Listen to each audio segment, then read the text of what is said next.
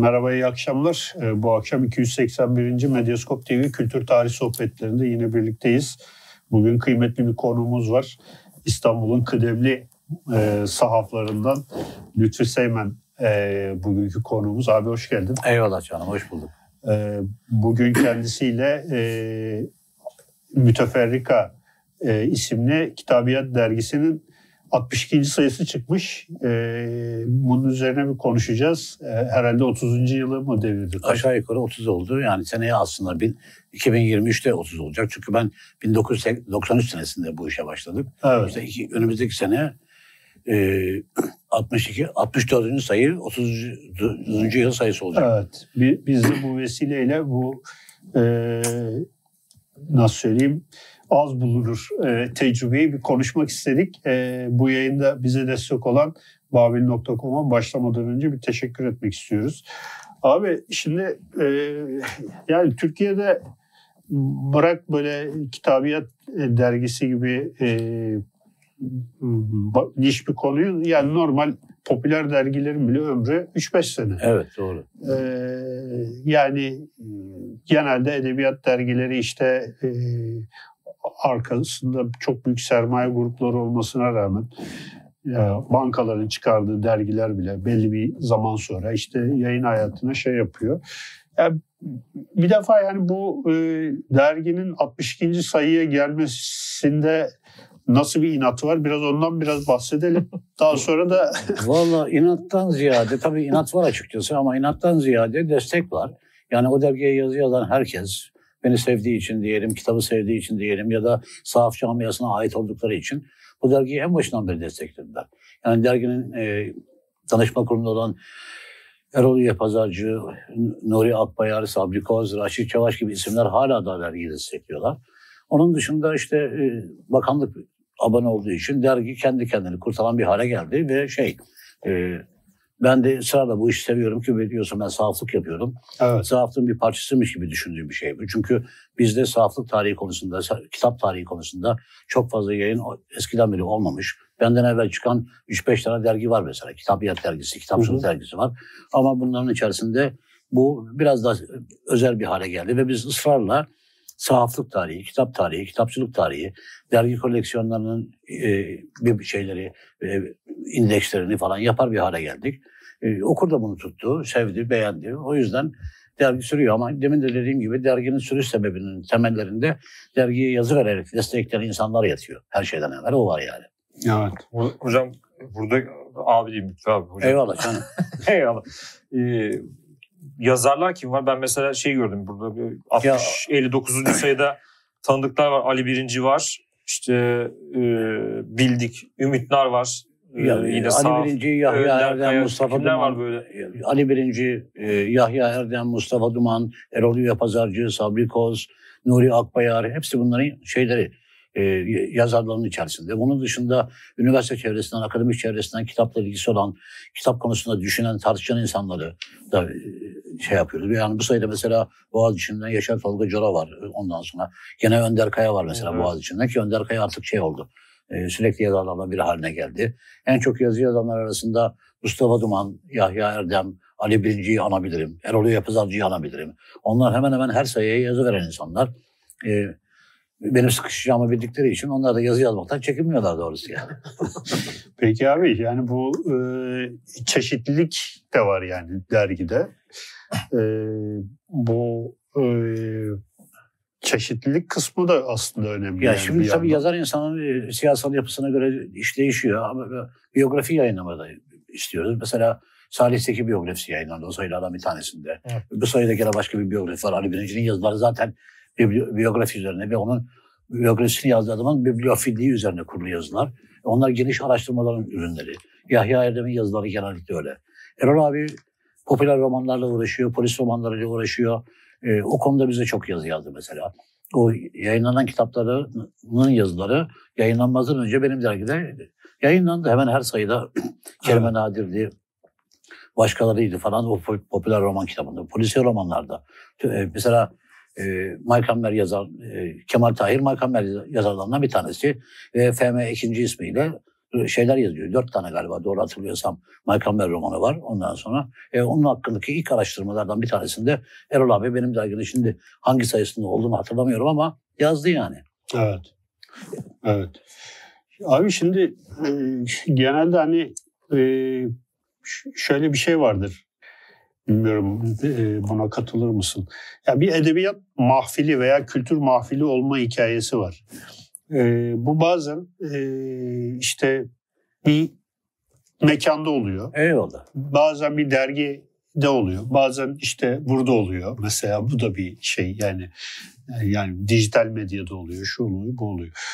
Ee, yani siz bunu dergi alanında e, belli bir noktaya getirmişsiniz. Yani burada e, aslında çok böyle e, temel benzerlik yani bütün bu e, mecralarda ortak olan şey herhalde çok seslilik oluyor değil mi? Yani ya bu... tabii ki yani bir dergide çok seslilik olması aslında şey değil. Ben mesela en başından beri bu, e, sosyalist gelenekten gelmeme rağmen hiçbir zaman için sağcıların yazısını basmayacağım ya da ülkücü yazısı basmayacağım gibi bir kaygı içerisinde olmadım. Yazı eğer gerçekten kitapla ilgiliyse ve bilinmeyen bir şey üzerindeyse ben her yazıyı, her siyasi görüşten insanın yazısını bastım. Öyle olunca da yazarlar tarafından da güvenilir bir hale geldim, sevilir bir hale geldim. E zaten dergide yani politika öğretmektense iş öğretmek bence çok daha iyiymiş gibi geliyor. Evet. O yüzden biz işimizi yapıyoruz. O yüzden de dergi mesela 30 senelik ömrümü biraz da bana borçlu. Çünkü o destek olmasaydı ondan sonra yani politik görüşüme uygun insanlar seçmeye kalksaydım dergi herhalde 20. sayıda 10. sayıda çuvallardı yani. Evet.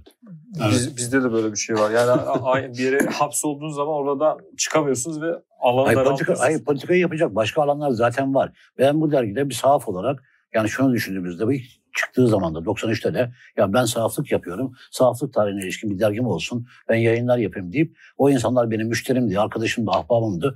Onlarla konuştuğumuzda onlar fikri tuttular. Dediler ki ya evet sen yap. Biz sana yazı buluruz, adam buluruz, bilmem ne buluruz, konu buluruz dediler. E ben öyle birkaç şey de yaptım. Mesela Doktor Hikmet Kıvılcım'ın sayısı yaptığım gibi İbn Ebi Mahmut Kemal İnal sayısı da yaptım öyle. Çok özel sayılar değildi belki ama yani bütün dergi onlara ait değildi. Bir alma kitabı gibi. Fakat netice itibariyle İbn Ebi'nin konusunda olsun, doktor konusunda olsun derli toplu bir şeyler ortaya koyabildik. O yüzden yani ben böyle bakıyorum meseleye. Evet. Hem sahaf olmak hem dergi çıkarmak hem derginin çizgisine biraz hani e, vakıf olmak e, gerçekten ilginç bir deneyim yani. Ama yani ben de yani işin içerisine girince birçok şey öğrendim. Çünkü başlangıçta bu işi yeni yapıyorsun ve işin cahilisin de öğrenme ihtiyacı hissediyor. Sadece samimi bir öğrenci gibi davrandım. Çünkü onlardan da çok şey öğrendim. Hem yazan insanlardan hem dükkana gelen müşteriden. Şimdi bazen bana soruyorlar mesela senin ustan kim diyorlar. Bizim iş sahaflık işi hep usta çırak ilişkisi evet. içerisinde dönen bir ilişkidir.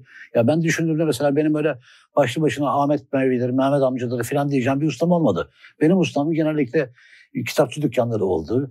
E, kitap toplayan insanlar oldu. Bana gelip de sahaflık yapmaktan yaptığım zamanlarda abi sende şu kitap var mı diye soranlar oldu. Yani onlar kitabı edinmek için sordular. Ben kitabı bilmediğim zaman artık müşteriden çıkıyor iş. Kitabın peşine düşüyorsun. Hele adamın sorduğu kitap senin bilmediğin ve bilmemeyi ayıp zannettiğin bir kitapsa vay anasını bunu bilmiyordum deyip peşinden düşüyorsun. Kitabı buluyorsun, ediniyorsun, bakıyorsun ve o kitabın neden istendiğini anlıyorsun. Öyle öyle sahaflık da böyle besleniyor zaten yani. Çünkü bizim iş okumadan olacak bir iş değil. Evet. Geçmişi okumadan olacak bir iş değil. Kitap tanımadan olacak bir iş değil. Kitabın kapağına bakarak, bakarak sahip olamazsın.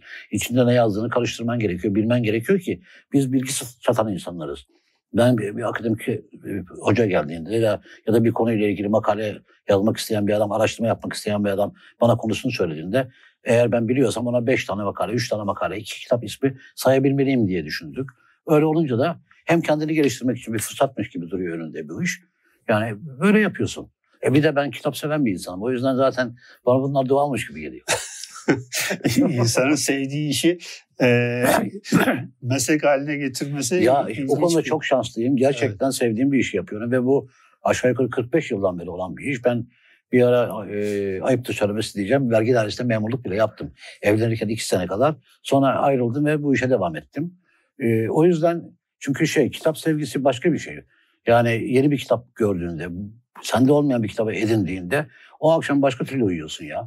Evet. Gerçekten başka türlü uyuyorsun yani. Hiç yabancı olmayan Tabii duygular yani, bize tabii. de. Kitap toplayan herkesin ortak Evet. duygularından bir tanesi bu. Yani e, çünkü ben mesela hani kitaplar özgür kalmalı falan diyerekten bazen laflar konuşuluyor ya. Yani kitapların ben kendi evimde ve benim rafımda özgür olduğunu düşünüyorum. Başkasının rafındaki kitaplar benim değil. Onlar onların eserleriymiş gibi geliyor bana anlatabildim mi? Abi buradan şey yapacağım hani bazen e, sahaflar kitaplara sevgilileriymiş gibi davranıyor. Ama öyle Gerçekten. oluyor. Mesela Bırakamıyorlar yani. Hani mesela e, Bir de kal- mesela- kalıyor. yazan çizen insanlar çok kitaba sahip oluyorlar mesela. Ama ben şunu da biliyorum yani entelektüel çevreden bir, birkaç yerden kitap aldığım oldu. Birkaç yerden de bir sürü yerden kitap almıştım oldu. Başka meslektaşlarım da alıyorlar. Kitapları karıları satıyor öldükten sonra çoğunlukla. Niye? Çünkü adam eve geldiğinde işte yemek yedikten sonra televizyon seyredeceğine odasına çekiliyor. Bir kitapla ilgili bir şeyler yapıyor, konuşuyor ya da çalışıyor üzerinde. Kadınla ilgilenmiyor bir şekilde. Hele 3-5 çocuk doğduktan sonra o ilgi bir şekilde tavsiyor galiba. Tavsiyeldikten sonra evdeki kadın kitapları metresi gibi görmeye başlıyor ve bunda da haklı. Yani para har- harcayan bir metresi değilse ki para harcıyor. Çünkü e, eski kitapların çoğu bulunmadığı için Evet. pahalı da yani. Evet. Yani müteferrika baskısını, e, baskı kitapları toplamaya kalksan şimdi herhalde dünya kadar para olması lazım. Eskiden bir- biraz daha ucuzdu da şimdi o kadar değil yani.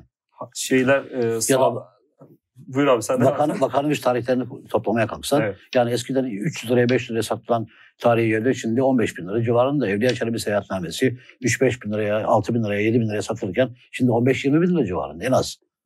O Evet. yüzden de kitaplar metresten fazla yiyorlar yani. Tabii bir de şeylerin, sahafların dostu hayırsız evlatlar var.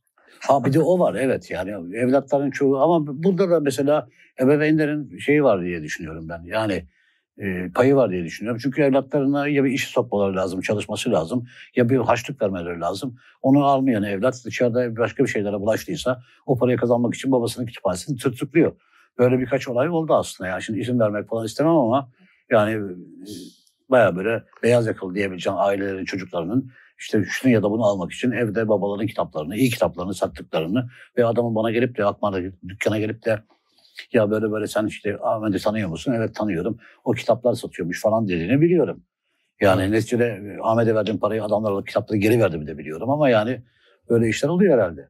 Evet. Olmaz olur mu? Hocam e, şimdi e, derginin dışında bir mahfilde senin dükkan.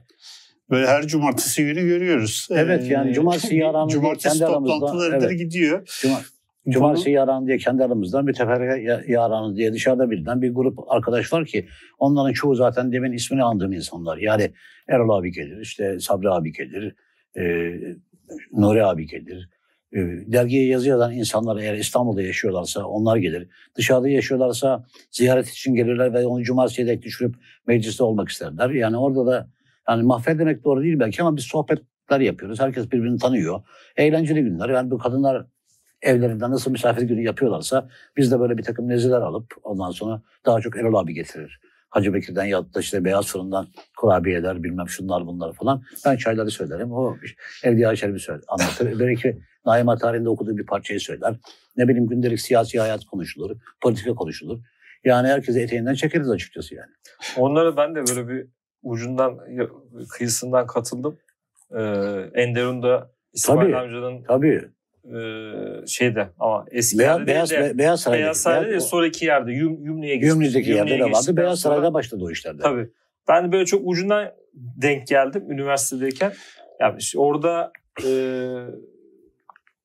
işte kitaplarını okuduğumuz e, tarihçilerle, e- edebiyatçılarla, edebiyat tarihçileriyle falan karşılaşmak, onlarla oturup konuşmak. Sonrasında ilk başta ben şey olarak gidiyordum. Yani kitap almak için gidiyordum. Sonra- Fakat sonrasında orada oturmaya başladık. İşte orada arkadaşımız vardı, çalışan bir arkadaşımız vardı. Onun sayesinde işte orada Japon tarihçilerle de karşılaştık. Tabii ki. İşte Heath Lavey'le de karşılaştım. İşte Suzuki Misal, Hoca'yla da misal, karşılaştım. misal da gelirdi. Da yani gelirdi. Başka şey- Suzuki de gelirdi. Çok e, aslında bir yanıyla da e, katılanlara hani o zaman ben bayağı yani gençtim 20 yaşında falan.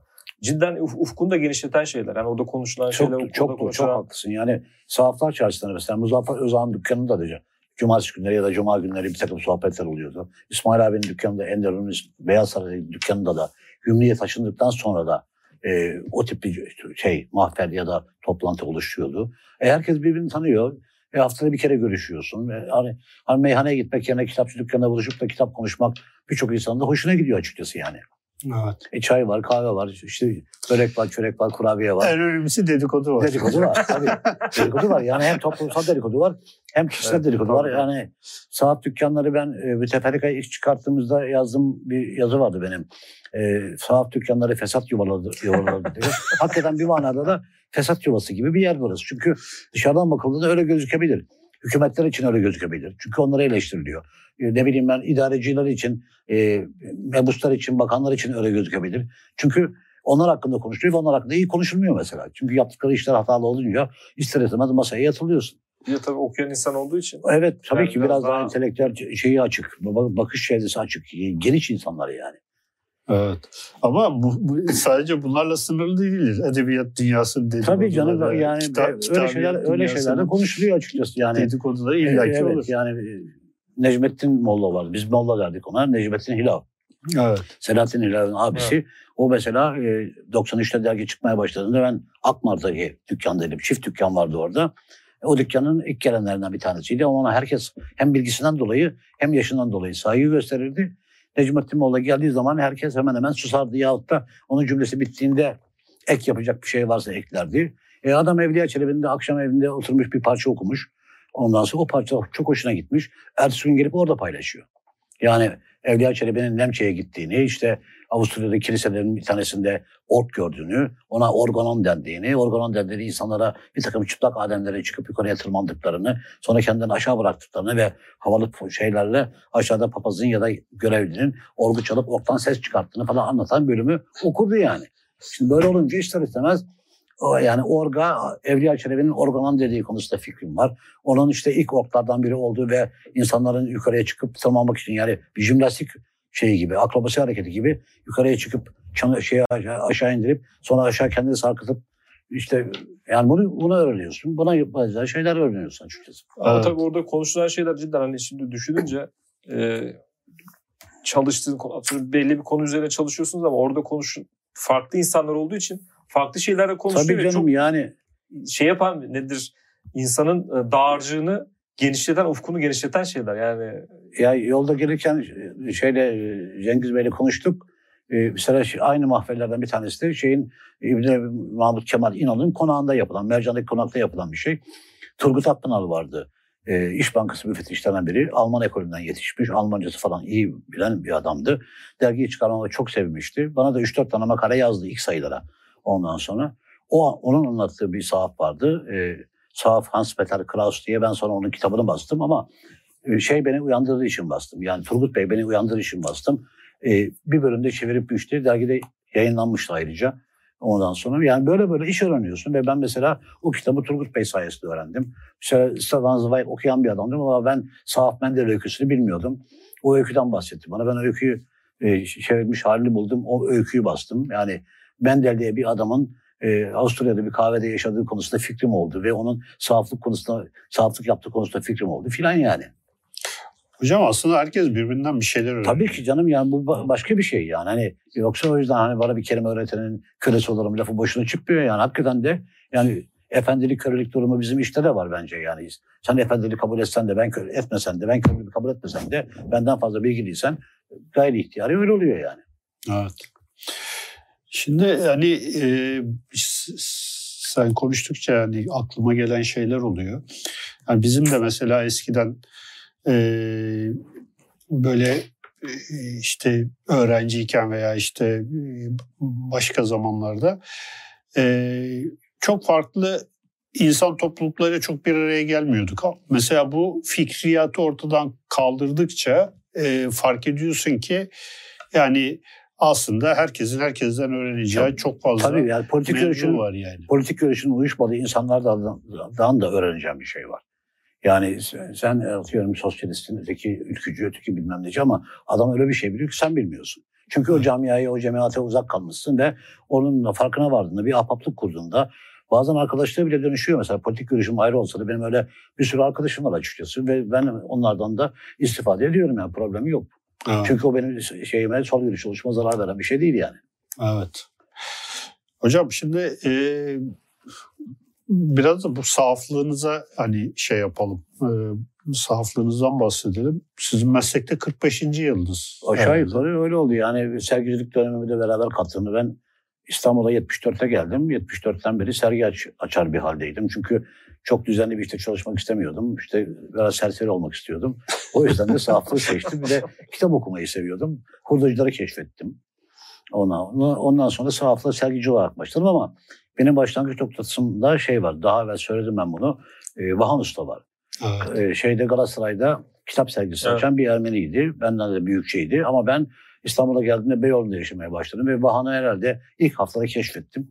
Ondan sonra her gün uğrayıp onunla çay içmeye, kahve içmeye, sigara içmeye başladım ve kitap satın almaya başladım. Sonra ya bu herif bu işi yapıyorsa ben zaten yaparım deyip kendime bu işi kurmaya başladım.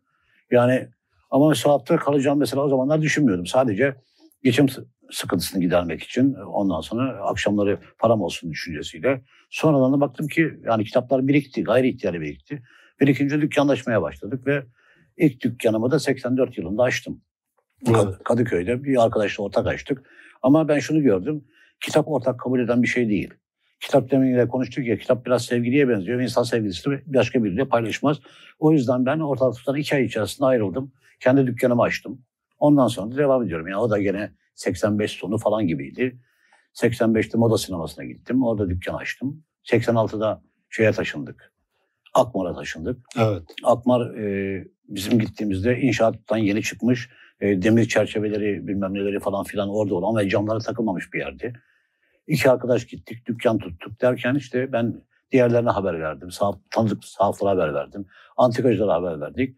Akmar Çarşısı Kadıköy'de e, sahaflar çarşısı haline geldi. Ve çok da sükse yapan bir hale geldi. İnsanlar oraya gelip kitap almaya, antika eşya almaya başladılar. Çünkü çarşı karışık bir çarşıydı. Bir tarafı antikacı dükkanlarıydı, bir tarafı sahaf dükkanlarıydı. Ya bu 93'e kadar falan böyle sürdü. 93'te e, ders kitabı satan biri geldi ve o herkesin ahlakını bozdu. Şimdi Akbar artık ders kitabı, Ders test kitabı. kitabı, üniversite hazırlık kitabı satan bir yere geldi. Akbar'ı kuran ben olmama rağmen, e, yani iki kişiden biri ben olmama rağmen e, ilk çıkan da ben oldum. Yani çünkü orada gerçekten benim sahaf müşterim rahatsız oluyordu. Biz içeriki toplantı yani konuşmalar, sohbetler bile e, işin şeyi suyu çıkıyordu açıkçası. Evet. Öyle olunca yan tarafta bir apartman buldum. Apartmana girdim.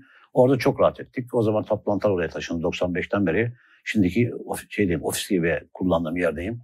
Sonra aşağıdaki ufak dükkanı keşfettim. Orası da yeni yapılıyordu. Bir ay yeni bitmişti. Orayı kiraladık. Derken işte böyle karşılıklı küçük dükkan, büyük dükkan diye bir var gel kurduk. Öyle e, gidiyor. Ama abi şeyde de böyle değil mi? Sahaflar çarşısı, Beyazıt Sahaflar çarşısı da öyle. Şimdi e, e, okul, test, Tabii yani o aslında kitapçılar mı diyeyim artık? Okul ve e, Test test Test kitaplar satıyorlar. kitapları Doğru satan söylüyorsun hocam.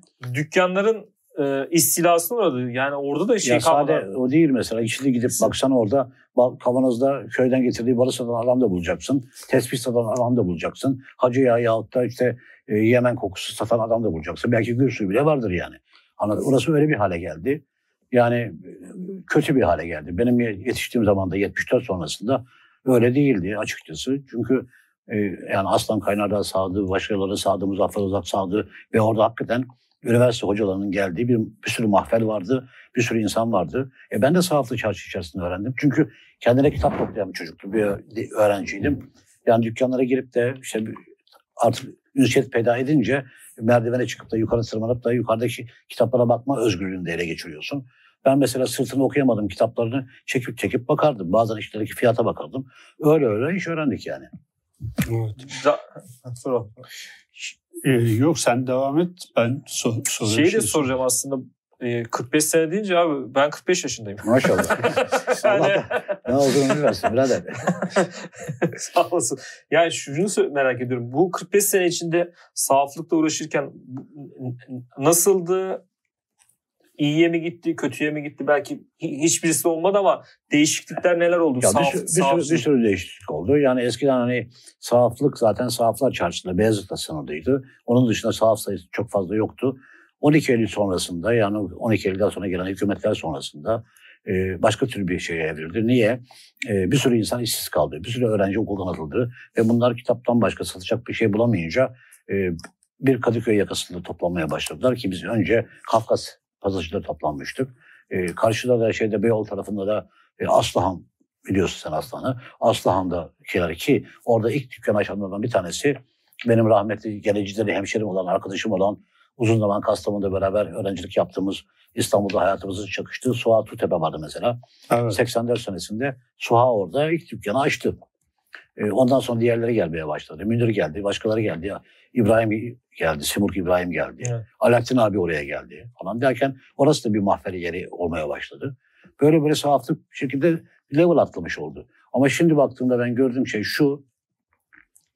Eskiciler, hurdacılar, bizim altyapımızı oluşturan insanlar, hinterland oluşturan insanlar da artık kitaptan para kazanılacağını bizim sayemizde anlayınca onlar da internetten kendilerine işte sahaf şu, sahaf bu deyip de dükkanlar açıp da internetten ve nadir kitap üzerinden satmaya başladılar.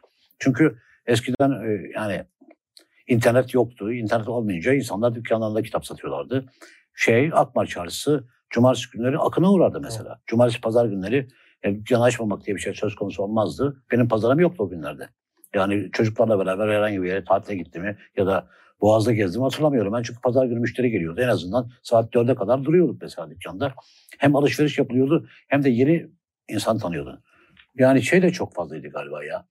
E, koleksiyoncu, kitap toplayan, bilmem ne yapan insanlar, meraklı insanlar. 80 sonrasında beyaz yakalılarda ve onun üstündeki tabakalarda bir patlama oldu. İnsanlar e, kitap toplayarak kültürü satın alabileceğini de düşündüler. Müzayede şirketleri böyle büyüdü. E, kitapçılar müzayede yapmaya başladılar. Müzayedelerde işte dükkanda 3 birime satılan bir kitap müzayedede 5 birim, 10 birim, 15 birim fiyat edindi. Böylelikle bir kitap borsası oluşmaya başladı ve bu bazı insanların da ağzını sulandıracak bir hale geldi yani.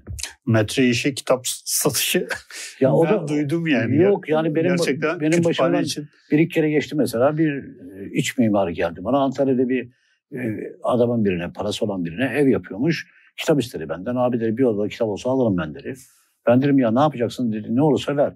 Dedim ya bunları hani alacaksın adama yapıyorsun kütüphane kuracaksın. Ciltleri birbirine benzemiyor. Eksik ciltler, cartlar, curtlar, jeoloji kitabı var, matematik kitabı var, fizik kitabı var içerisinde. Yani ders kitabı değil ama Fransızların bastığı jeoloji kitabı ciltli vaziyette duruyor. Olsun abi dedi cildi güzel olsun al dedi. Herife o zamanın parasıyla 20-30 bin lira kitap sattım ben mesela. Evet. Ve adam aldı o eve koydu bilmem ne yaptı. Sen demin metreyle kitap dedin. Onu, onlara da sergicilikken şey yaptım, şahit oldum. E, kütüphane yaptırmış evine. Kütüphanesinin ölçülerine uygun ansiklopedi ciltleri istiyor. Niye misafir eve geldi? Ne güzel gözüksün ve boş gözükmesin diye. Öyle insanlar vardı. Ayrıca şey de vardı mesela e, bit pazarlarından paşa resmi toplayıp da paşa dedem deyip de evine asan resimler de vardı. Hele böyle madalya falan olduğunda Abdülhamit'ten madalya almış, liyakat nişan almış gibi duran adamlar dedesi olsun olmasın ki çoğunlukla zaten dede falan değildi. Ama evlerinde babaannemden, anneannemden kalmış diyerekten misafirlerine gösterdikleri şeyler vardı yani. Soyluluk satın almak. Evet. Yani o mesela şey bir koleksiyon yapmadan evine e, berat asmaya da yol açtı. Evine tekke, Şam'dan tekke şamdanlarını toplayıp da 15 tane şamdandan köşe yapmaya da başladılar. O da öyle oldu. Evi tekkeye çevirdik mesela. Evet. Şimdi abi sen bunları anlattıkça benim aklıma bir şey Gelsin geliyor bakalım. böyle. Ben mesela 88 yılında biz de üniversite öğrencisiyken Ortaköy'de kitap satıyorduk. Eyvallah. Ortaköy'de yani, bir mahfelle. Bak onu ben unuttum evet, ama Ortaköy'de. Ortaköy'de Nişantaşı mesela. BKM'nin olduğu yer mesela Teş... o pasajda Naimler falan açmıştı kız kardeşiyle beraber. E, öldü Allah rahmet eylesin. Şeref vardı. E, evet. Şeref, Ortaköy Kültür Merkezi. Tabii. Ortaköy Kültür Merkezi'nde açılmıştı evet. mesela. Ben oraya e, hafta başında avlamaya giderdim. Hani ne bulurlarsa içinde işe yarar bir şey varsa alayım diye giderdim. Evet, öyledir zaten. Bir de Ortaköy'de Viyadüğün ayağınıklarının altında hurdacılar vardı. 3-4 tane. Onlara gidip onlardan kitap almaya çalıştım. Evet. Şimdi mesela o dönemlerde şöyle bir şey vardı. İstanbul'un Mesela Osman Bey'de işte Tayyareci Sokak. Tabii. İşte Teşvikiye Camii'nde işte sühaların tabii, falan. Tabii sühaların. Ne, ne, Nejat, işlerin tabii. Işte Nejat tezgahları. Ondan sonra Beşiktaş'ta vardı. İşte e, Beyoğlu'nda işte Vahan amcanın e, şeyi vardı. Fakir, yani kitap şöyle şöyle bir şeydi. Yani kitap hayatın içinde bir şeydi. Yani kitap e, ne bileyim AVM'de veya işte kitapçının içinde diye yani kitapçılar da vardı tabii yani, ama sokakta olan ama bir şey. O zamanlar kitap şirketlerine büyük yayın evleri, televizyonlar, şunlar bunlar bankalar girmemişti. Evet. Ve böyle işte İnkılap Akay'dı, ne bileyim Remzi Kitap Evi'ydi, şu der, dergah yayınlarıydı, bilgi yayınlarıydı, e, şey nedir o e, Necdet Sancar'ın e, e, Sander kitabeviydi falan. On, öyle şeyler vardı ve kitap şimdiki gibi basılmıyordu. Evet. Ben mesela dergiyi götürdüm, ambara girdim. Onlar Kültür Bakanlığı'nda çalışıyorlar. Abi yani milyonlarca kitap var.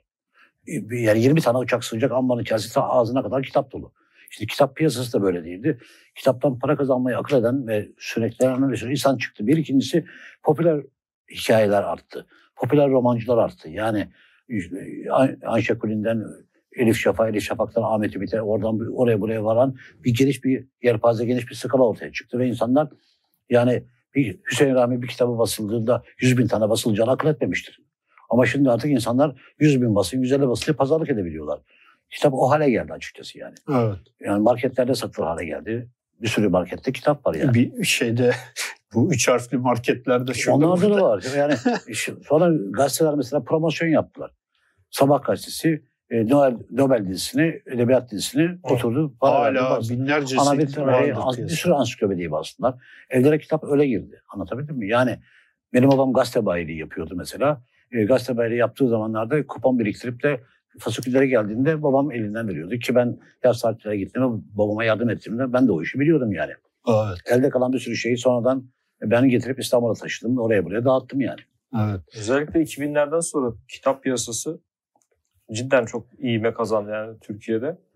Ee, belki her e, buna 80'leri falan da katabiliriz 80'ler 90'ları. Yani 12 Eylül sonrasında Türkiye'de zaten başka bir evrilme oldu yani hem politik anlamda, siyasi anlamda, hem kültürel anlamda, hem ekonomik manada birçok şey değişti. Yani hani daha fazla Amerikanlaşık ya da daha fazla kapitalistlik demeyeceğim. Ama netice itibariyle her şey gibi kitap piyasası da evrildi. Sahaflar çarşısının içi boşaltıldı mesela. Sahaflığın içi boşaltıldı. Eskiden yani sahaflar çarşısına girdiğinde bir halk hikayesi aradığında üç dükkandan birinde buluyordun. Dört dükkandan birinde buluyordun. Şimdi gelsen mesela öyle bir şey yok neredeyse. Çünkü evet. niye? Osmanlıca kitaplar artık piyasadan çekildi. Yani çoğu el değiştirdi. Bilmem ne yaptı. Ancak yine koleksiyon yapmış bir adamı vefat edecek de sen aileyi tanıyacaksın da kitapları alacaksın da piyasaya yeniden kitap süreceksin. İş bu hale geldi yani. Evet. Abi şimdi Ümit'ten bahsediyoruz. Ümit Nar'dan. Ee, o özellikle sormamı istediği bir şey daha var. Senin bir de Cide'de çıkardığın bir dergi. Ya bir Selim onu da getirirdim. Varmış. Var, öyle evet. bir dergi var. Ee, şimdi Onu elim, da mutlaka sorun. E, elimde 16. Şey 16. sayısı var. Yani ben İstanbul doğumluyum ama çocukluğum 5 yaşına itibaren Cide'ye geçti. Oraya bir gönül borcum var benim ve ben Cide'nin coğrafyasını seviyorum. Hani Lütfü'den bahsedilecekse, Lütfü'nün tarihinden bahsedilecekse Cide'deki tarihten de bahsedilmesi gerekmiş gibi düşünüyorum bir manada. Derginin adını da alalım abi. E, Eygalos diye bir dergi. Cide'nin eski ismi. Ay, Aygialos diye yazılıyor. E, Truvalılar zamandaki ismi ki bu isim şeyde e, Homeros'un destanında geçen bir isim. E, Truva Savaşı'na katıldılar e, Paflagoya'dan geldiler. Onların işte yurdu Eygalos, Eritle, Amastristil falan diyerekten e, şeye katılıyor. Truva tarafında tabii. Truva tarafında evet. katılıyorlar. Ondan sonra Troya tarafında. Troya tarafında evet. katılıyorlar. Anadolu'daki ilk anti-emperyalist mücadeleymiş gibi geliyor bana. Çünkü gerçekten Yunanlara karşı bir direniş var orada. Bilmem ne var falan. Hani kaybedilmiş olsa bile o evet. savaş gerçekten Anadolu'nun direniş savaşıymış gibi geliyor bana. Ee, 14 14. sayı yayınladım. Elimde şimdi işte yılbaşından önce becerebilirsem çıkacak bir 15. sayı var. Orada da Cide'nin tarihi, Cide'nin de yaşamış insanlar, bakkalı, çakkalı, zengini, kaymakamı, e, nahiye müdürü, oraya isim bırakmış insanlar hakkında, onların biyografileri, onların hikayeleri, onları anlatıyoruz aslında. Cedere Hamam ne zaman kuruldu, hükümet konağı ne zaman açıldı falan onları yazı haline getirip orada Cide belleği, Cide tarihi oluşturmak gibi ki uzun vadede bunun mesela bir Cide ansiklopedisine dönüşmesini istiyorum ben. Evet. Şeyle de konuşabiliriz aslında. Seda'yla bizim e, Seda üzerine onlar da Cideli. Evet. Tabii onlar hatırlıyor. Seda Hanım'ı tanımıyorum ama Saadet'i tanırım. Saadet'le Onlar Cideli o şeyde Seda da bazen yazıyor Cide'deki evet. işte mimari e, unsurlar üzerine falan yazıyor evet. sağ olsun. Oradan da takip etmek lazım. Yani cidden hani bu yerel yerel tarih mevzuları mesela şeyi de çağırdığımızda e, orada konuşmadık ama Oktay Hoca ile Oktay Özel ile konuştuğumuzda o şimdi şey topluyormuş mesela. E, ordu demişti. Ordu e, Ordu Ordu'daki yerel e, yoksa Sinop muydu? Şimdi şeyi hatırlamıyorum ama ya Ordu ya Sinop. Oradaki şeyleri arşiv arşiv kayıtları işte e, evraklarını topluyormuş. Onlarla ilgili fotoğraflar şeyler falan böyle. Yani aslında böyle yerel tarihin de e, bu şekilde toparlanması gerekiyor. Ya, Burada ya- e, derginin çıkması da cidden e, Ya tabii ki toparlaması gerekiyor. Ee, Ben mesela bundan 30 sene evvel Cide'de mübaşirlik yapan bir adamdan e, adliyenin artık çekaya attığı, bilmem neye attığı evrakları almıştım ondan sonra. E, bunu da birkaç yerde konuştum, birkaç kişiye söyledim. Ama e, bundan e, tem- geçen Temmuz ayında falan biri beni Cumhurbaşkanı'na şikayet etmiş. Bunda Osmanlıca kadısıcıları var diyerekten. Polis bastı aldı evrakları götürdü mesela. Ama bizim benim işim anlatamıyorsun. Çünkü hakim sahaflık konusunda çok fazla bilgi sahibi bir değil. E, gelen polis Osmanlıca bilmeyen bir polis. Yani neyi aldığını bile kestiremeyen biri. Ve sen bir şekilde mahkum oluyorsun. Bana 6 ay bilet geçti. Hakim ve sonra para cezasını çevirdi mesela. Şimdi onu ödeyeceğim. Yani işimden dolayı böyle şeyler de oluyor. Sakat işler de oluyor açıkçası. Bu, bu arada te- şey gazete televizyona da çıktı. Ha, evet tabii yani, şey, e, şey e, medya, iktidar yanlısı medya epey haber yaptı. Mal bulmuş mağara gibi üstüme atladı ondan sonra. ben sanki e, hani insan kaçakçılığı yapsam bu kadar üstüne gelmezler ya da başka bir şey kaçırsam ben sanki malı kaçırıyormuşum gibi. E, bilir kişi de e, şey e, ya bunun sahip bu adam sahip bunun e, devlete verilmesi gerektiğini bilmesi lazım deyip bilet öyle kesildi mesela. Halbuki onlar Cide ile ilgili evraklardı. Cide Bidayet Mahkemesi ile Kastamonu Bidayet Mahkemesi'nin yazışmaları orada mevzu e, mahkeme kayıtlarındaki mevzu e, yer isimleriydi. Coğrafi isimler. Yani şimdi Kavuk Kavlanı diye bir yer var. Anlatman gerekiyor neresi olduğunu. Mandırbaşı diye bir yer var. Anlatman gerekiyor neresi olduğunu. E orada belgesi var. Belgesiyle beraber hani bir Cide coğrafi sözlüğü yapmak için elinde bulunması gereken malzeme onlar. Yani oradan başka bir şey çıkacağını ben zannetmiyorum. Ama yok zaten şöyle bir şey var. Yani zaten e, arşiv dediğimiz şey aslında bir anıyla da imha etmedir aslında. Yani SEKA'ya gönderilen kağıdı Ya anacığım kurtarması. ben çöpten çıkarttım. Ya çöpten çıkarttım dediğimiz Şaban abinin oğlu benim arkadaşım. Şaban abi de yani Allah rahmet eylesin öldü gitti herif. Ee, ilgilendiğimi biliyor. Ben daha o zaman Osmanlıca bile bilmiyorum. Yani evrakları ele geçirdim. Osmanlıca bilmiyorum ama Cide tarihine ilgi duyuyorum. Yani Cide ile ilgili bir şey yapmak istiyorum. Zaman zaman da yerel gazetede Cide'nin tarihine ilişkin yazılar yazan bir çocuktum yani. Delikanlıydım. Öyle elime geçti benim evraklar. Ben oturup da e, şeyin adli mübaşirinin gırtlağına basıp da bana ver demedim. Asılmış çöpe atılmış evrakları aldım. Kurtaracağım diye aldım ayrıca yani. Yani, yani akıbeti bundan sonra belli olur mu olmaz mı onu da bilmiyorum doğrusu. Evet.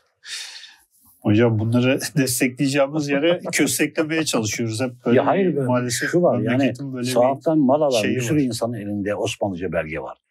Ferhat, e, Ferman var, Berat var, başka şeyler var. Terhis defterleri var, yazmalar var, yazma şiir kitapları var, yazma bir sürü kitap var. Yani netice itibariyle adam bunlar üzerine yazıyor diyor. Jönkler üzerine jönk topluyor. Halk edebiyatı üzerine yazıyor diyor. Şimdi bu kültür varlığı dediğin zaman evet kültür varlığı ama adam onu değerlendiriyor. Ondan bir şey üretiyor ve ortaya bir şey çıkartıyor. O zaman bu şey- şeydeki e, internetteki müzayedelere şöyle bir beş dakika baksan dünya kadar ya var ama şimdi yani aynı mantıkla düşünürsek Onlardan da şikayet edilen bir sürü insan oldu. Mesela Nişantaşı'da bir müzayede şirketini şikayet ettiler. E, Onu da bastı polisler. Ondan da bir takım evrakları ona değil buna devret deyip aldılar. Yani çünkü şikayet olduğunda polis gelmek zorunda. Yapacak bir Evet. şey yok. Neçeli mal gördüğünde malı da almak zorunda. Çünkü ona git bul ve al diyorlar. On- Orada yapacak bir şey yok ama görevini yapıyor. mal aileden gelmiş. Sen ailenden bir şey babandan dedenden kalmış. Onu bana satmışım müzayede şirketi olarak. Ben de bunu müzayedeye koymuşum. Ozan Bey'den geldi ya da Cengiz Bey'den geldi diyerekten. Malın sahibi gerçekten sensin. Ben aracıyım. Ama buna da el koyuyorsun yani. Geçenler, geçenlerde Ahmet Fehmi Twitter'da şey yazmıştı ya. Vakıflara ait evrakların e, ne, ne arıyor bunlar satışta falan diye yani vakıflara Yani ait bir iç- içeriden de bir sürü insan bir şey Yani. tısırlayıp satıyorlar. Yani şimdi adam gibi devlet araştırma yapsa e, Güzel Sanatlar Enstitüsü'ndeki depolardaki mallara baksa ya da Said Halim Paşa yalısına baksa ya da başka yere baksa bir sürü eksik gedik bulacaktır. Deniz Müzesi'ndeki resimlere baksa aslıların alındığını yerine saatlerinin konduğunu görecektir yani. Hocam onlar zaten şeyde bile e, Resim Heykel Müzesi'nde e, bile yüzlerce sahte şey çıktı. Çıktı bir kısmı ortaya. basa- basına da Bir- yansıdı bir- bunlar. bir kısmı basına çıktı, bir yansıdığı kısmı ka- çıktı tarafını ortaya. biliyoruz Yani işte. ben e, fi tarihinde yani Akmal'dayken e, bir tane Diyarbakır Tahsin resmi gördüm antikacının birinde. Onu aldım. Diyarbakır Tahsin olduğunu bilerek aldım. O da Hasan diye okumuş eski yazıyı. Tahsin Hasan diye okumuş. Ucuz da bir fiyata verdi ama ben resmin peşine düştüm. Ya hani bu resmi değerine satayım istedim. E, Diyarbakır Tahsin'in resimlerinin Deniz Müzesi'nde olacağını düşünüp Deniz Müzesi'ne çocuklarla beraber, karımla beraber, kızımla beraber gezmeye gittik. Ya ben iki resim cahiliyim her şeyden. Ben hani o zaman her şeyde sahtesini matesini kolay kolay edecek bir yerde değilim. Ama çok bariz, hiç resmen anlamayan bir adam da bunu Diyarbakır Tahsin yapmamış olabilir diye resme bakarsın. Evet. Zamanında almışlar, sahtesini yaptırmışlar, o çerçeveye sahtesini koymuşlar, resmin orijinalini kim bilir neye, kime nasıl sattılar, satmışlar yani. Evet. Abi şimdi e, yavaş yavaş toparlayalım istersen. E, bu derginin e, gideceği yer neresi? Var mı böyle bir hani? Valla dergi şimdi işte 62'yi bulduk. Ben bir ara yani ekonomik sıkıntıdan dolayı kağıt parasının yükselmesinden dolayı 66'ya kadar dayanayım ve işte bir yazı yazayım, bitiş yazısı. 66'ya bağladık diyeyim, bu işten çekileyim dedim ama bilmiyorum yani arkadaşlar desteklediği sürece, ben para bulduğum sürece, bakanlık bu işte alıp alırsa eğer eskisi gibi o zaman dergiyi devam ettirmeyi düşünüyorum. Tabii ki ölmezsem yani. Ve Allah, Allah gecinden versin. Versin herkese versin de gidebildiğimiz yere kadar gitmeyi düşünüyorum evet. doğrusu yani. Evet. Çünkü yani dergi başka bir şey haline getirdi beni. Hem beni, işimi, hem insanlarla ilişkimi. Evet. Bir de yaptığım işe baktığımda şöyle yani bir, bir metre boyunda 60 tane dergiye sahipsin ve şey gibi, akordeon gibi çalışıyorsun. o duyguyu biz çok iyi biliyoruz değil mi Ozan? ben de böyle 200 geçen hafta İsmail Hoca'ya çağırmıştık. Onu 80, 280, 280 ama öncesinde 80. programda çağırmışız. 80-80 küsür program. Arada 200 program geçmiş. Şimdi ee, yani cidden biz nasıl yaptık falan diye düşünüyorum. O öyle bir durum. Bir de se, senin dergiyle yaptığını biz de dijital ortamda Eyvallah. Yapmışım. Yani ama şunu söyleyeyim sana. Bir kere bulaştığında eğer biraz sebatkarsan ki ben çok maymun iştahlı bir herifimdir. Ama dergide nedense ben de sebat ettim. Yani vazgeçmedim evet. açıkçası. Yani şunu biliyorum mesela dışarıdaki üniversitede bu kitap dergiyi satan bir sürü insan var. Bir şekilde mesela en son e, Oxford'un e, kitapçılık ansiklopedisi içerisinde Müteferrika dergisi ben değil, ister istemez ben de tabii içerisinde bir paragraf madde bile olsa girdi mesela. Ha, Bu hoş bir şeymiş gibi geldi bana. O yüzden de dergiye vallahi işte e, Gittiği yere kadar. Para oldukça ve ömrüm oldukça. evet. İkisi evet. beraber yani. Abi çok teşekkür ederiz. Estağfurullah canım. Güzel bir e, sohbet oldu bugün. E, bugün e, Sahaf Müteferrika ile çıkartmış olduğu Müteferrika dergisi üzerine bir yayın yaptık. Bu 59. yayına e, dergi ama 62. 62 dergide son da, sayıda burada. E, ilgilisi ve meraklısı mutlaka edilsin, takip etsin. En azından haberdar olsun istiyoruz. Çünkü bunlar çok kıymetli çabalar. E, 281. yayınımız burada sona eriyor. E, bu yayında bize konuk olan Lütfü Seymen'e tekrardan teşekkür ediyoruz. Ben de ikinize birden teşekkür ederim. Sağ olun. Ee, Davet ettiğiniz için. Sağ olun abi. Ee, bu yayının size ulaşmasında bize destek olan babil.com'u da bitirmeden önce bir teşekkür etmek istiyoruz ve iyi akşamlar diliyoruz.